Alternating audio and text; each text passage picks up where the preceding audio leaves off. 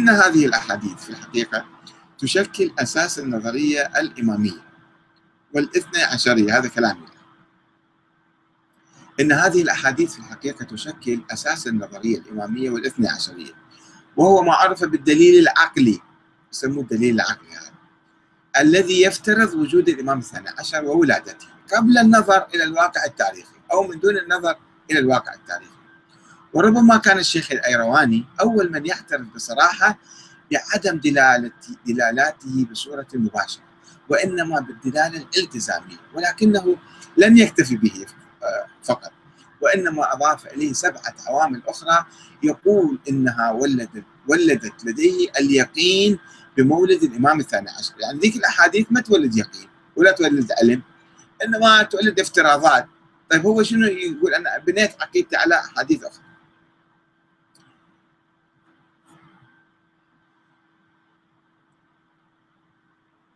وسوف ومن تلك العوامل ومن تلك العوامل إخبار النبي والأئمة صلوات الله عليهم بأنه سوف يولد للإمام العسكري ولد يملأ الأرض قسطا معدلا ويغيب ويلزم على كل مسلم مسلم أن يؤمن بذلك.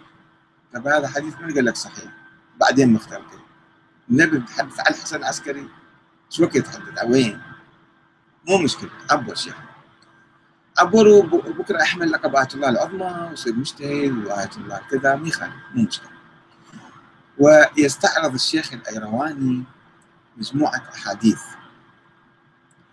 آه، بهذا المضمون نقلها الشيخ الصدوق في كتابه إكمال الدين ثم يقول هذا فقط ما يرويه الشيخ الصدوق ولا أريد أن أضم ما ذكره الكليني في الكافي والشيخ الطوسي وغيرهما وربما آنذاك يفوق العدد الألف رواية. ألف رواية. وبهذا المضمون أو قريب منه أحاديث كثيرة.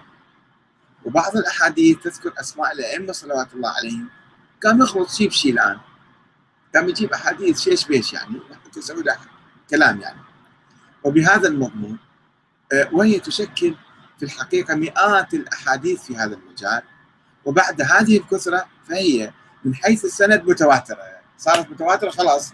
بعدين تبحثون في السند. جاب لك حديث ألف حديث. ليش تبحث في السند؟ خلاص امشي وعبر.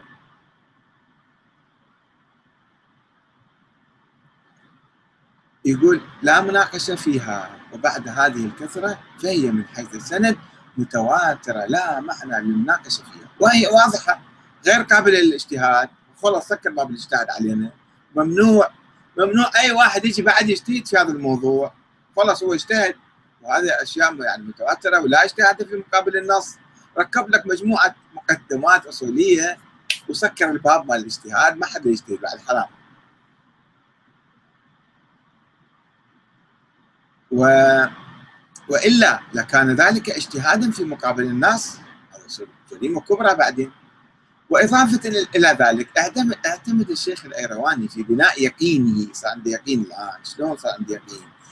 على رؤية بعض الشيعة للإمام المهدي عليه السلام كما حدث به مجموعة من الروايات. بس الروايات حقق فيها ما حقق فيها ما يحتاج تحقيق. كله ما يحتاج تحقيق هذا كله صار متواتر. رغم التعتيم الإعلامي الذي حاول الأئمة عليهم السلام أن يقوموا به رأى الإمام المهدي جماعة من الشيعة. ونقل الشيخ الأيرواني رواية عن الشيخ الكليني عن محمد بن عبد الله ومحمد بن يحيى جميعا.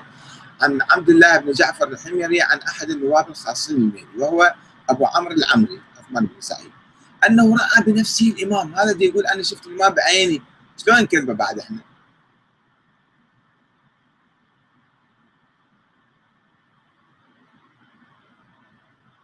ثم علق الشيخ الأرواني على سند هذه الرواية فقال وهذا السند في غاية الصحة والوثاقة. فالشيخ الكليني معروف إذا حدث هو مباشرة بكلام يحصل من نقله اليقين. خلاص الشيخ الكليني ما يقول؟ يحصل عندنا اليقين من عنده. ومحمد بن عبد الله هو محمد بن عبد الله بن جعفر الحمري من الثقات الأجلة الأعاظم ومحمد بن يحيى العطار هو أستاذ الشيخ الكليني من الأعاظم الأجلة. فأثنان من أعاظم مشايخ الكلين الكبار ينقل عنهم. وعبد الله بن جعفر الحميري معروف بالوثاقة والجلالة. ثم تساءل. شوف كل تقليد هو يقلد ذولا ثقات يقلد من؟ يقلد أتباع النظرية الاثنا عشريه أو الإمامية. طبعا يحب يحبون في النظرية يسوون في المؤامرة واحد يزكي الثاني يكونوا صرفوا بعدين وثقات وما فيهم شك بعد. فاذا نأخذ رواياتهم تورث اليقين ويروون عن من؟ يروون عن عثمان بن سعيد العمري هذا ما يكذب كان كلش متقي. وورع وما عنده أي مصلحة في هاي الدعوة ولا يحصل فلوس ولا شيء من القبيل هذا لازم إحنا ما نشك فيه لازم إحنا بصراحة نصدق فيه. شنو ما قال هذا الرجال؟ ثم تساءل فهل هذه الرواية قابلة للاجتهاد من حيث الدلالة؟ تجون تجتهدون بهاي الرواية؟ شلون تتجرؤون على الاجتهاد؟ ما يصير تجتهدون. وأجاب هذه الرواية لوحدها يمكن أن يحصل منها اليقين. شوفوا منهج الشيخ الأيرواني شلون شلون ساذج وبسيط وبسرعة يحصل عنده اليقين. مسكين. وهي واضحة في الدلالة على أنه قد رأى الإمام صلوات الله عليه. بعد هو يقول أنا شفت شفت الإمام. وهناك رواية أخرى. إذا ما حصلتكم يقين أجيب لكم رواية أخرى. وهناك رواية أخرى تنقل قصة حكيمة بنت الإمام الجواد سلام الله عليه. وهذه القصة مشهورة. مشهورة وين؟ شلون؟ متى؟ بأي سنة؟ بأي كذا؟ مو مهم أعبر. شله وأعبر يا شيخ أيرواني وقول أنا مجتهد. وحرم الاجتهاد على الآخرين أيضا.